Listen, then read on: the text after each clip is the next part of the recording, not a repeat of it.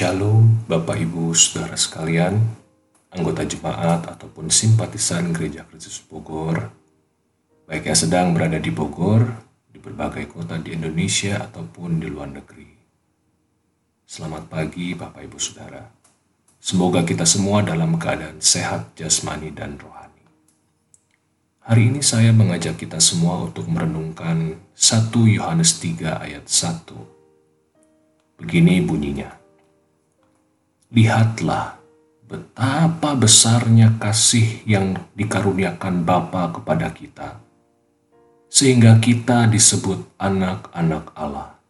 Dan memang kita adalah anak-anak Allah.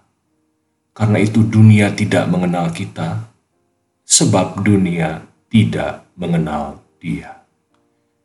Bapak Ibu Saudara sekalian, bagaimana perasaan kita ketika kita dipaksa oleh keadaan untuk lebih banyak diam di rumah? Ada dari Bapak Ibu Saudara yang menghitung, hari ini sudah hari keberapa saudara diam di rumah? Berapa banyak di antara kita yang jadi lupa hari? Mungkin nggak sedikit ya, setiap hari kok rasanya jadi sama aja. Kemarin saya membaca sebuah tweet dari seseorang. Orang ini bilang begini, kegiatan sehari-hari gua makan 30 menit kali dua, mandi 15 menit kali dua, ke WC 2 menit kali 5, paling banyak 1 jam 40 menit. Sisa waktunya gua habisin di atas kasur doang. Capek. Ada dari Bapak Ibu Saudara yang mungkin mengalami hal serupa?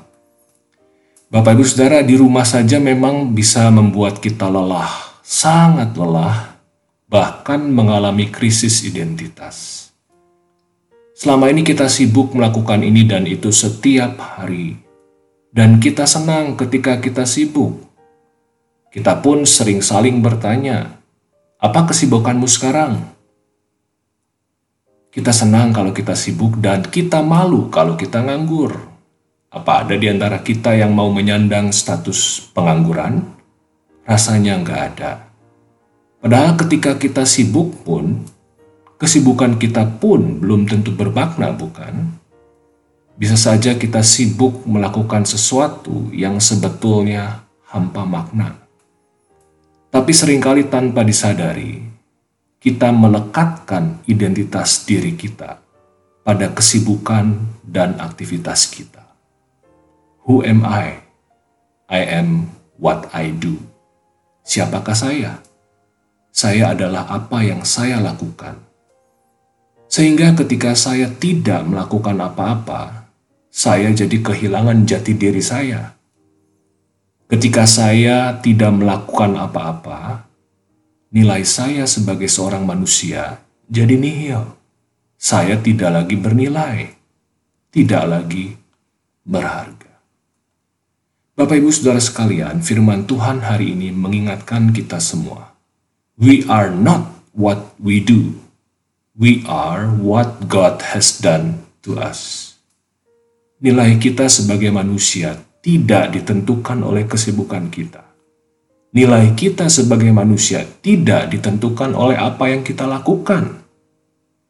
Nilai kita sebagai manusia ditentukan oleh apa yang Tuhan telah lakukan kepada kita. Apa yang Tuhan telah lakukan kepada kita? Ia mengasihi kita ketika kita masih berdosa. Lihatlah betapa besarnya kasih yang dikaruniakan Bapa kepada kita sehingga kita disebut anak-anak Allah. Inilah identitas kita, Bapak Ibu Saudara sekalian. We are God's beloved children. Kitalah anak-anak yang dikasihinya. Saya dan saudara bernilai bukan karena kita melakukan kesibukan atau pekerjaan ini dan itu. Bukan juga karena menyandang gelar atau jabatan ini dan itu bukan pula karena punya harta di sini dan di sana.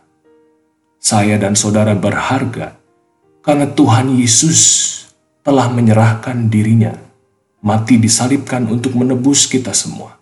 Inilah yang membuat hidup kita bernilai. Syukur kepada Allah. Thanks be to God. Syukur ini sudah sepatutnya kita naikkan bukan hanya melalui kata-kata, melainkan juga melalui tindakan kita.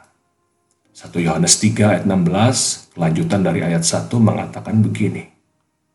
Demikianlah kita ketahui kasih Kristus, yaitu bahwa ia telah menyerahkan nyawanya untuk kita. Jadi, kita pun wajib menyerahkan nyawa kita untuk saudara-saudara kita. Bapak, Ibu, saudara sekalian, mari kita naikkan syukur kita kepada Allah dengan menyerahkan nyawa kita untuk orang lain. Mari kita terus membuka mata hati kita lebar-lebar untuk melihat kebutuhan di sekitar kita. Mari kita berjuang terus untuk hadir dan melakukan sesuatu sekecil apa pun ketika kita melihat orang lain membutuhkan pertolongan. Allah Tritunggal, Bapa, Anak, dan Roh Kudus memberkati kita semua supaya kita menjadi berkat untuk orang lain. Amin.